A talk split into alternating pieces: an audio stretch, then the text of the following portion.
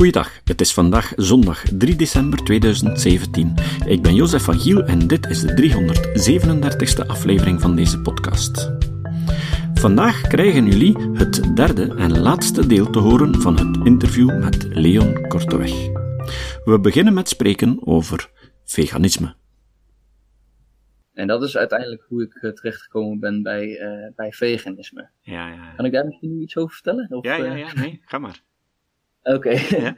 dus er zijn veel mensen bij de vrije gedachte die de conclusie hebben getrokken dat respect voor andere levende wezens en het milieu betekent dat je minstens vegetariër en het liefst nog veganist zou moeten zijn. Mhm. En dus je zou geen dierlijke producten moeten gebruiken om dierenleed zoveel mogelijk te verminderen en ook daarmee eh, het milieu beter te kunnen beschermen. Mhm.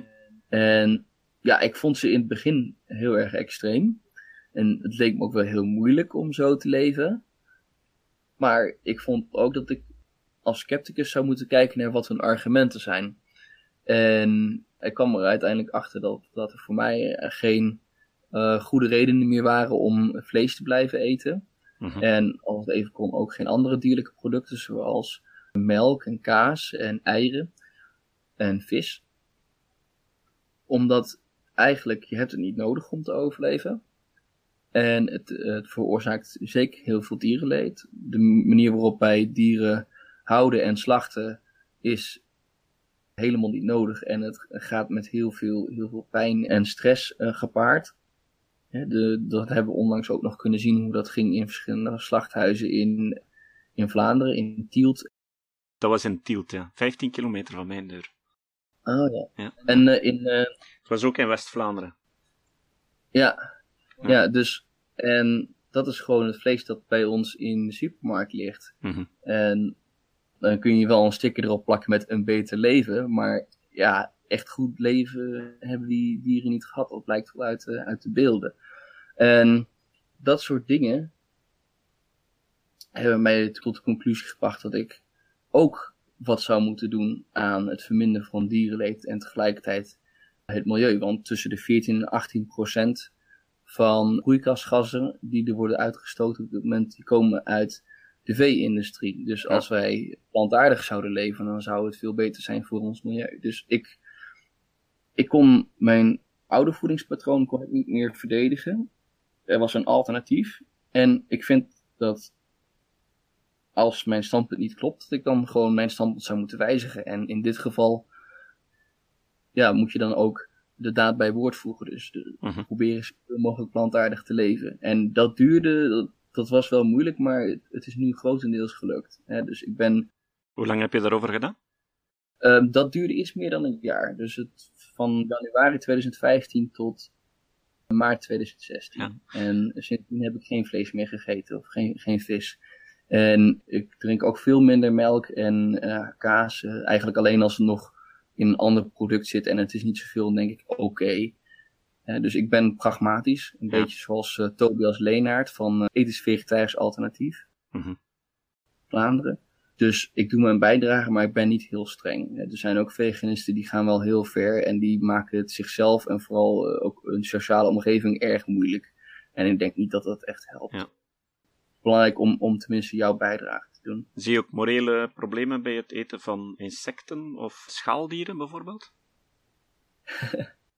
Dat is wel grappig dat je die vraag stelt. Die heb ik ook gekregen Ja. laatst nog. We weten niet zo goed of die dieren kunnen lijden. Dus Ja. het gaat er dus om of ze kunnen lijden. Want dan heb je een bepaalde morele verplichting tegenover iets. Hè. Mhm. Dus een, als een steen niet kan lijden, dan mag je ermee doen wat je wil. Maar als een insect bijvoorbeeld wel zou kunnen lijden, als het een zenuwstelsel heeft waarmee je pijn kan ervaren, dan zouden we moeten proberen om ze, om ze niet te eten. Ja. Tegelijkertijd kun je hetzelfde afvragen van planten. Hè? Want Ja, ja. alternatief is van oké, dan moeten we planten eten. Maar als planten ook pijn kunnen lijden, dan, dan wordt het wel een heel lastig verhaal. Want dan kun je dus sowieso als mens niet overleven zonder andere organismen pijn te doen. Mhm. Dus, maar dan nog steeds, dan is veganisme het principe dat je zoveel mogelijk pijn moet Vermijden.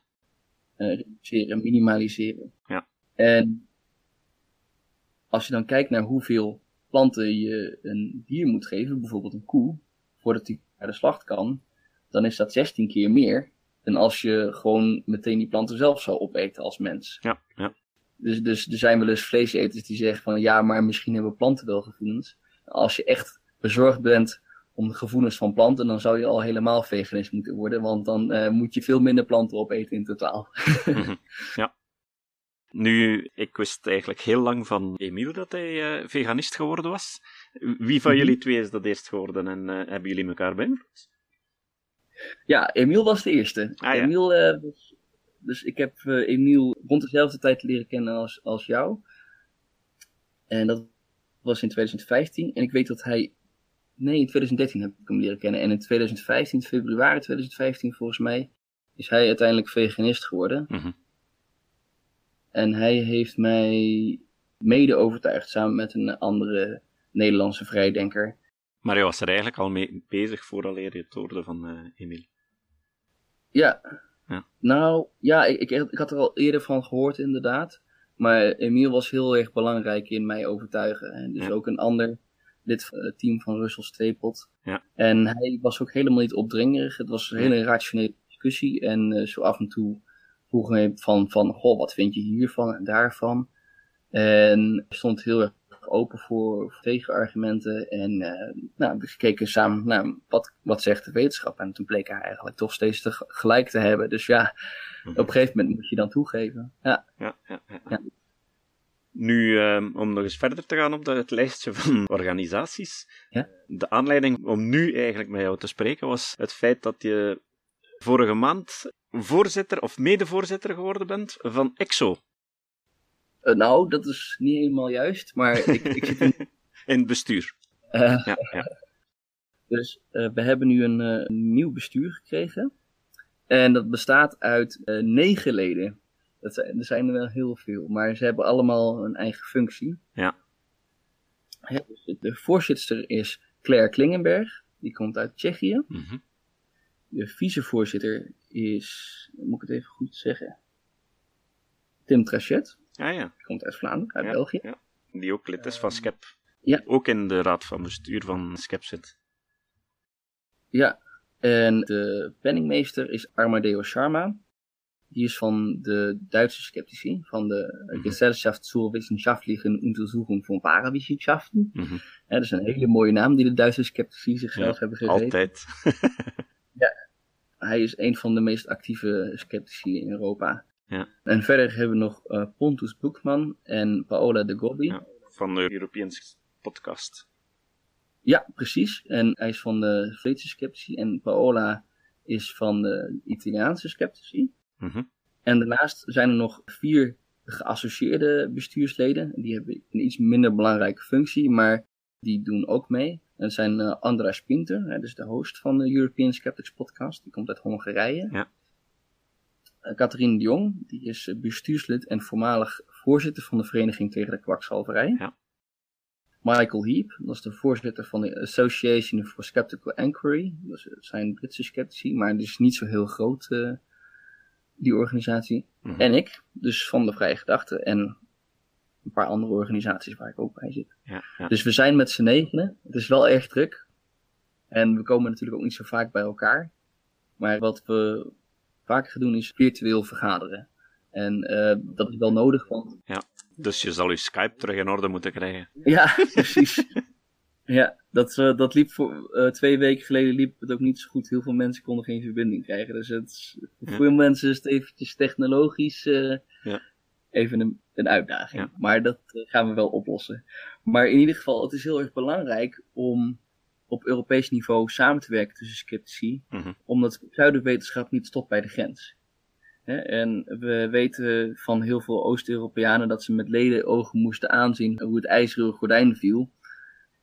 Want daardoor kwam heel veel homeopathie uit Duitsland. En eh, heel veel alternatieve geneeswijzen en pseudowetenschap en complottheorie werden in één keer ook eh, ingevoerd naar Oost-Europa. Ja. En dus er zijn heel veel sceptische organisaties zijn ja, in de jaren 90 en de vroege jaren 2000 ontstaan in Oost-Europa. Daarvoor waren ze eigenlijk niet nodig, omdat de communistische regimes daar best wel wetenschappelijk waren over het algemeen. Wetenschap stond hoog in het vaandel. Mhm. Maar ja, met het eh, verdwijnen van het communisme moesten heel veel burgers dat nu zelf gaan doen. Dus, maar sowieso, uh, er zijn heel veel, bijvoorbeeld heel veel kankerkwakzalvers. Hè? Dus mensen die beweren dat ze kanker kunnen genezen, maar eigenlijk niet. Die doen zaken in heel Europa. En vooral Duitsland is dan een trekpleister, omdat Duitsland een veel, ja, hoe zeg je dat? een tolerantere wetgeving heeft, of? Ja, een tolerantere wetgeving. Uh, Die hebben het zogenaamde Heilpraktiker systeem. Ja. En daarbij uh, hoef je dus eigenlijk helemaal geen diploma te hebben als arts, om toch allerlei ingrijpende behandelingen toe te passen. Mm hè? Dus uh, je mag bijvoorbeeld als heilpraktiker mag je zomaar in het lichaam van een, van een patiënt snijden. En je mag ja. die mondeling ook allerlei stoffen toedienen. Mm -hmm. En dat zou in Nederland bijvoorbeeld en heel veel andere Europese landen zou het niet mogen. Ja, maar daarom niet, zijn er heel veel mensen die, die op zoek zijn naar een behandeling die in hun land niet mag, die gaan dus naar Duitsland. Mhm. Er zijn goede redenen waarom die behandelingen niet mogen, omdat ze heel gevaarlijk zijn. Ja. En omdat ze niet gecontroleerd zijn en kan er van alles misgaan. Dus het is ook belangrijk dat, zeker, en uh, daar, dat kan Wim Bets beter uitleggen dan ik, maar dat, dat er bijvoorbeeld ook um, weer wordt, wordt geleverd aan bijvoorbeeld homeopaten die massaal voor hebben gezorgd dat uh, in heel Europa de homeopathie een aparte status heeft gekregen, waardoor het dus niet hoeft te voldoen aan allerlei wetgeving, allerlei regelgeving, ja. waarin dus staat van wat we kunnen doen. Het moet bewezen zijn dat het werkt en het moet ook belast kunnen worden. Dat is nu allemaal niet het geval. En dat is heel raar, want homeopathie werkt niet. En uh, kan tegelijkertijd wel rekenen op deze speciale status en daarmee heel veel geld verdienen. En het, het, leidt bovendien toe dat mensen die echt iets hebben, dat ze op homeopathie gaan vertrouwen in plaats van de echte geneeskunde. En dan kan het soms alleen maar erger worden en misschien soms wel te laat zijn. Dus het is echt belangrijk dat sceptici ook op Europees niveau en bijvoorbeeld in het Europees Parlement hun stem laten horen. De stem van de wetenschap. Van kijk nou uit, want heel veel politici die snappen de wetenschap niet. Die zijn gevoelig voor verhalen van lobbyisten van pseudowetenschap en alternatieve geneeswijzen. Ja. Dus, um, en wij proberen dus op Europees niveau bij de European Council of Skeptical Organizations, dus de, de samenwerking tussen verschillende sceptische organisaties in Europa te verbeteren. En informatie uit te wisselen en dus uh, uiteindelijk ook samen strategieën te ontwikkelen om consumenten te beschermen en dus uh, te, te, zorgen dat wetenschap uh, hoog in het vaandel wordt gehouden overal. -hmm. Ja, en concreet, wat doet EXO? Dus om de twee jaar of ieder jaar organiseren ze congres in een van de lidstaten. Maar daarnaast doen ze ook effectief aan lobbying in het Europees Parlement in Brussel of zo? Nou, tot nu toe niet. En Ah, dat ja. is uh, echt een groot gemis. Ah ja, ja. Omdat uh, de EXO een tijd lang een slapende organisatie is geweest. En eigenlijk uh, zich alleen richt op de kerntaak van het organiseren van een tweejaarlijks Europees Sceptisch Congres. Mm -hmm. En dat zou anders moeten zijn. En dat is vooral omdat we tot nu toe helemaal niet gebruik hebben gemaakt van alle digitale middelen. En het heeft er mede mee te maken ook dat heel veel mensen die betrokken zijn bij de council, dat die zelf op landelijk niveau uh, bestuurslid zijn bij een organisatie. Hè? Dus ik heb net al die organisaties Mhm. mm -hmm. genoemd. Dus dan moet je een dubbelfunctie uitvoeren. Als je daarna ook, daarnaast ook nog eens een, een voltijds baan hebt, dan wordt het wel ja, heel erg druk. Ja, ja. Dus misschien moeten we daar ook iets anders mee doen. Dat mensen die afgevaardigd worden naar de Europese Council, zeg maar, de Europese Raad, dat die niet ook nog op nationaal niveau allerlei bestuurstaken en verantwoordelijkheden hebben. Mm -hmm. En is er eigenlijk al een concreet plan van aanpak met die werkgroep? Dus je zei dat jullie nu en dan eens virtueel vergaderen. Komt daar al Ja, iets dus- uit of is het nog te vroeg? Ja, nou, twee weken geleden is er dus een eerste virtuele vergadering gehouden. En Claire Klingenberg, die uh, trekt eigenlijk de kar nu op dit moment. Mhm. En die komt met verschillende voorstellen uh, hoe wij concreet het kunnen aanpakken. Waarschijnlijk komen er verschillende comité's die zich bezighouden met specifieke onderwerpen, specifieke activiteiten.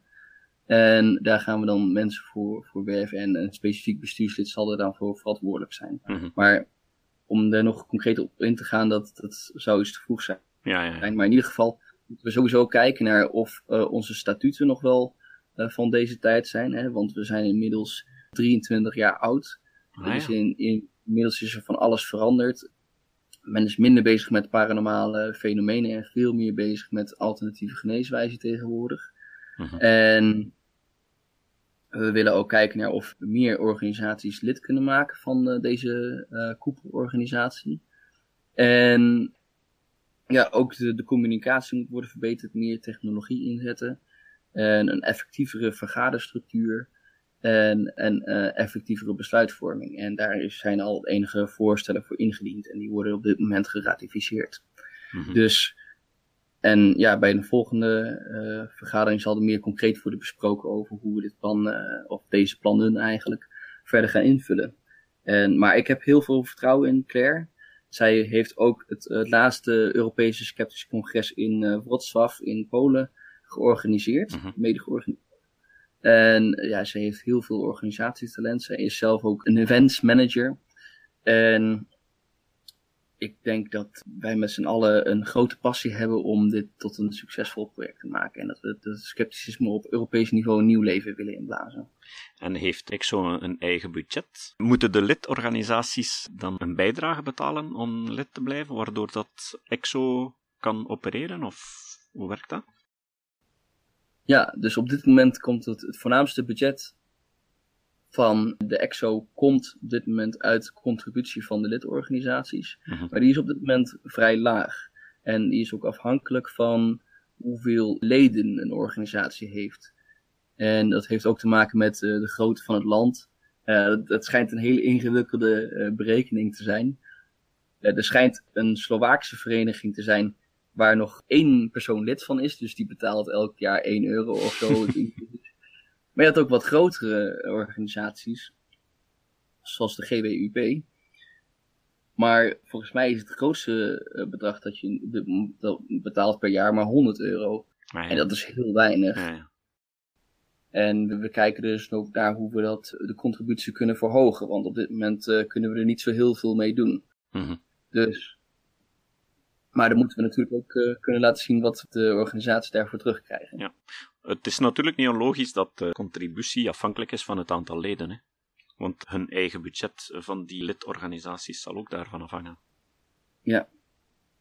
Goed, dat was interessant. Ik heb nog één vraagje. Ik zou graag willen terugkeren naar een van de eerste organisaties waar je over begon te spreken, Wikipedia en GSO, hè, Gorilla Skeptics on Wikipedia. Ja. Misschien eerst een andere vraag. Heb je een idee al van hoeveel lemma's dat je geschreven of aangepast hebt op Wikipedia? Nou, aangepast, dat, daar zou ik uh, geen idee van hebben. Ja. Dat zijn er zoveel. Ja. Maar misschien is daar wel een tool voor. Die kan kijken hoeveel artikelen ik heb aangepast. Maar het aantal artikelen dat ik heb geschreven, dat is op de Nederlandstalige Wikipedia een stuk of 550. Mooi. En op de Engelstalige Wikipedia ook nog een stuk of 50. Ja. En zo hier en daar heb ik ook op een andere Wikipedia wel eens iets geschreven op de Frans of de Duitse of zo. Maar het is voornamelijk op de Nederlandstalige en Engelstalige dat ik actief ben nu. Dus, maar het, het getal zegt op zich niet zo heel veel, want het varieert heel erg in lengte. Hè? Dus, ja, ja, tuurlijk. Uh, sommige artikelen zijn maar tien zinnen lang. Maar andere is eigenlijk een klein boekje. Ja, ja. Een heel groot stuk geschreven over uh, bijvoorbeeld republikeinisme in Nederland. Of over het artikel over de Duitse sceptici is best wel groot geworden. En heb je zo'n artikel waarvan dat je nu kan zeggen, daar ben ik echt fier op? Uh, waarschijnlijk meerdere, maar... ja, um, nou, een artikel dat ik onlangs heb gepubliceerd is uh, QED, tussen haakjes conference. Ja. Dat is dus de grote sceptische conferentie die elk jaar wordt gehouden in ja. Manchester. Georganiseerd door de Merseyside Skeptic Society en de Greater Manchester Skeptic Society. Eigenlijk zijn het vier dagen waarbij je tal van Britse en andere Europese sceptici tegenkomt en uh, enkele prominente wetenschappers en andere sceptische activisten vertellen een verhaal en gaan met elkaar in discussie. En het is een prachtige gelegenheid om andere sceptici te ontmoeten. En om nieuwe ideeën te ontwikkelen en nieuwe projecten op te zetten. En daar heb ik dus een artikel over geschreven. Mhm. Ja. Maar dus op dit moment is dat nog heel recent. Dus, uh... ja. dus er kan nog altijd iemand komen die uw artikel niet goed vindt? Of grote... Ja, dat zou kunnen. Ja. ja. op dit moment vindt de organisatie zelf het niet zo leuk dat ik hun logo heb gebruikt, want ik heb er hun toestemming daar niet voor gevraagd. Ah, dus uh, we moeten nog even kijken of dat wel mag. Maar uh, ja, ja, het kan altijd zijn dat iemand zegt van nou, dat klopt niet, of daar zou ik wel wat meer bewijs voor willen zien. En dan ga ik met een persoonlijke discussie. Ja. Nu, um, iedereen kan eigenlijk op Wikipedia wijzigingen aanbrengen mm -hmm. en beginnen editen. Maar wat is dan het nut eigenlijk van een organisatie zoals Gorilla Skeptics en Wikipedia? Nou, het nut van, van samenwerken als sceptici op Wikipedia is dat je elkaar kunt helpen met hoe je dingen aanpakt. Hè? Dus uh, er komen heel veel nieuwe mensen bij en hoe, met hoe meer mensen je bent, hoe meer werk je kunt verrichten. En je kunt elkaar helpen met adviseren, het zoeken van bronnen en het aanpakken van verschillende discussies in conflicten met andere Wikipedianen en samen een oplossing zoeken. En het is voornamelijk belangrijk omdat er heel veel misleidende informatie staat op Wikipedia. Uh als mensen onzin schrijven, dan kun je dat meestal heel snel zien. Echt duidelijke onzin, die wordt zo weer verwijderd. Wat veel moeilijker is om te vinden, is onzin die lijkt waar te zijn. En ook wel redelijk objectief lijkt te zijn geschreven, maar er is bijvoorbeeld geen bron voor. Of de bron die geciteerd wordt is niet betrouwbaar.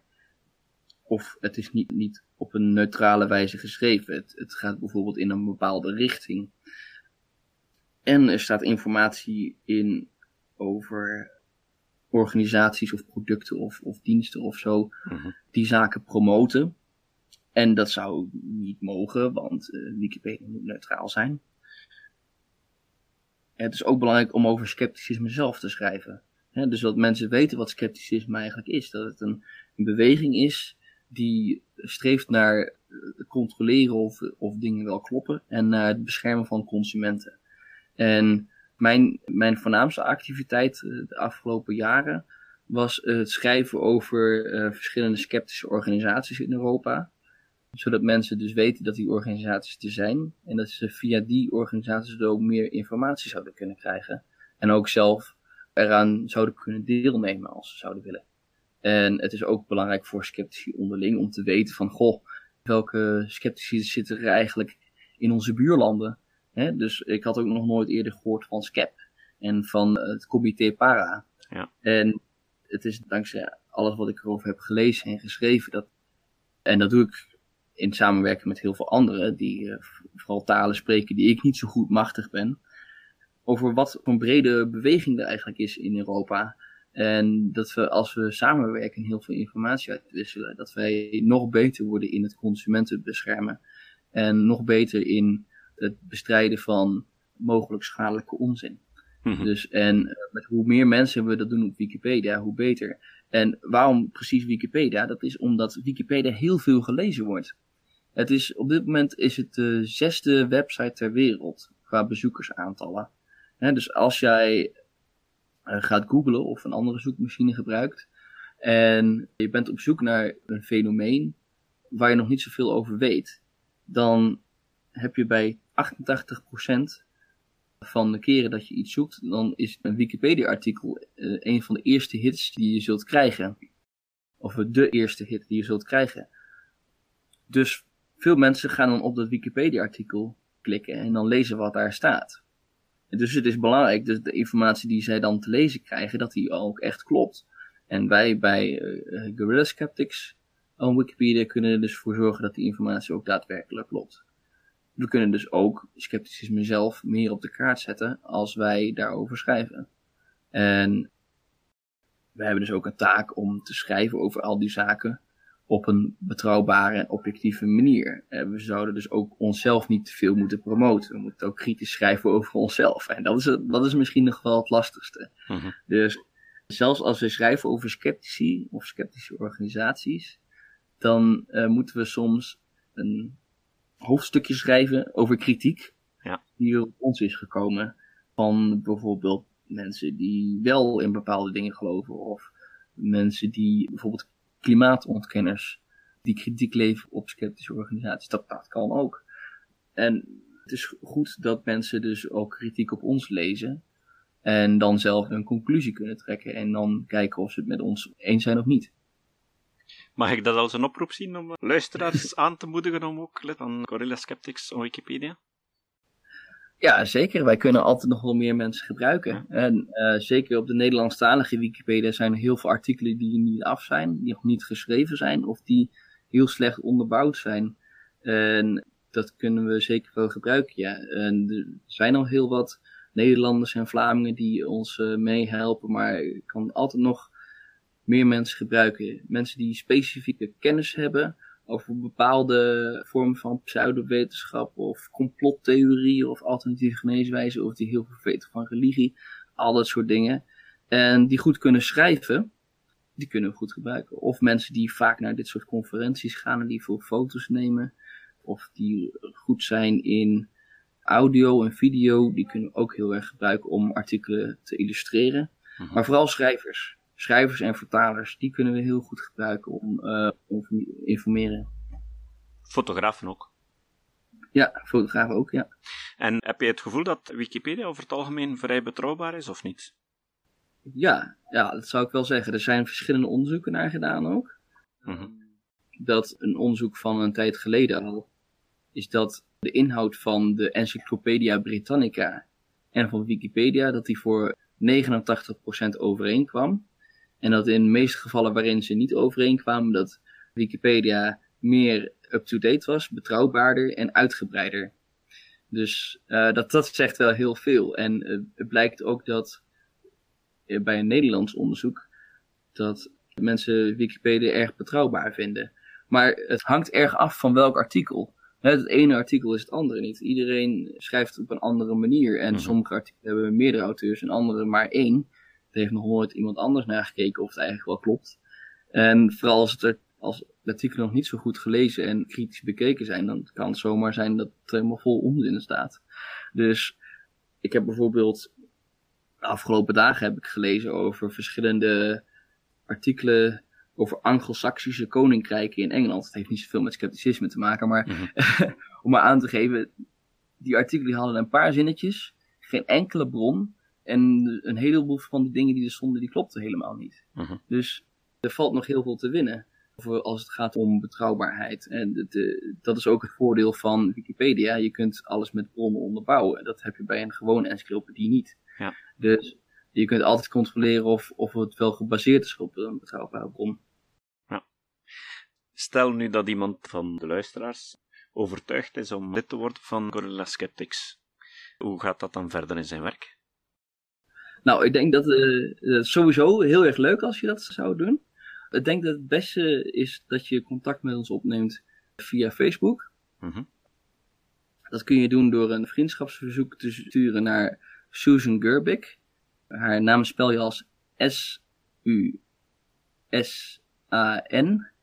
Spatie G-E-R-B-I-C. Of je kunt mij een berichtje sturen. ik ben Leon Korteweg. Maar je kunt ook naar de publieke pagina gaan van Gorilla Skepticism op Wikipedia en die een persoonlijk bericht sturen. Dan, uh, dan kunnen wij het ook afhandelen. Ja, en voor wie het dat allemaal niet lukt, dan kunnen ze altijd contact opnemen via het contactadres van Kritisch Denken natuurlijk. Of op onze Facebookpagina zo. Goed. Oké. Ja. Bedankt, dat was zeer interessant, Leon. En, uh, ja, graag gedaan. De plannen nu nog? Nog grote plannen buiten al die zaken? Ik vraag me af of dat je dat allemaal rondkrijgt op 24 uur. ja, ik, op dit moment eh, heb ik het heel erg druk met mijn baan. Mhm. Maar ik probeer uh, er buitenom nog dus uh, actief te zijn voor al die verenigingen en ook nog voor Wikipedia. En ik hoop dat ik uh, van deze hobby eigenlijk ook nog mijn beroep kan maken door de journalistiek in te gaan. Ja ik zou zeker via Jalta of, of een andere uh, krant of medium zou ik graag onderzoeksjournalist zijn en kritische stukken schrijven over verschillende misstanden die er in de wereld zijn en mensen waarschuwen voor gevaarlijke praktijken en misleidende informatie. Goed. Oké, bedankt. We horen elkaar nog wel binnenkort. Ja, leuk. Dankjewel. Het citaat. Het citaat van vandaag komt van Carl Sagan. Sagan zei: Als het kan vernietigd worden door de waarheid, dan verdient het om vernietigd te worden door de waarheid. Tot de volgende keer. Deze podcast is het resultaat van het werk van veel mensen.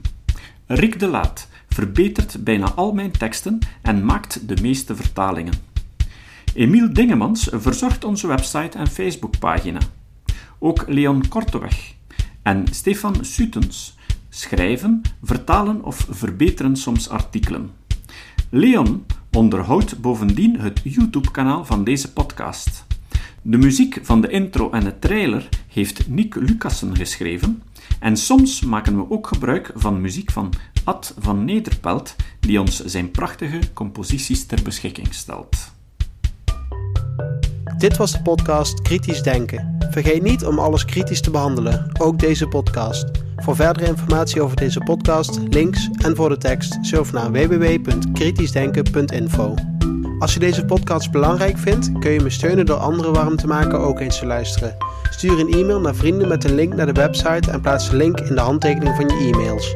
Tevens kun je op iTunes deze podcast een beoordeling geven of een recensie schrijven. Of je kan op je eigen website of blog een link naar kritisch denken plaatsen.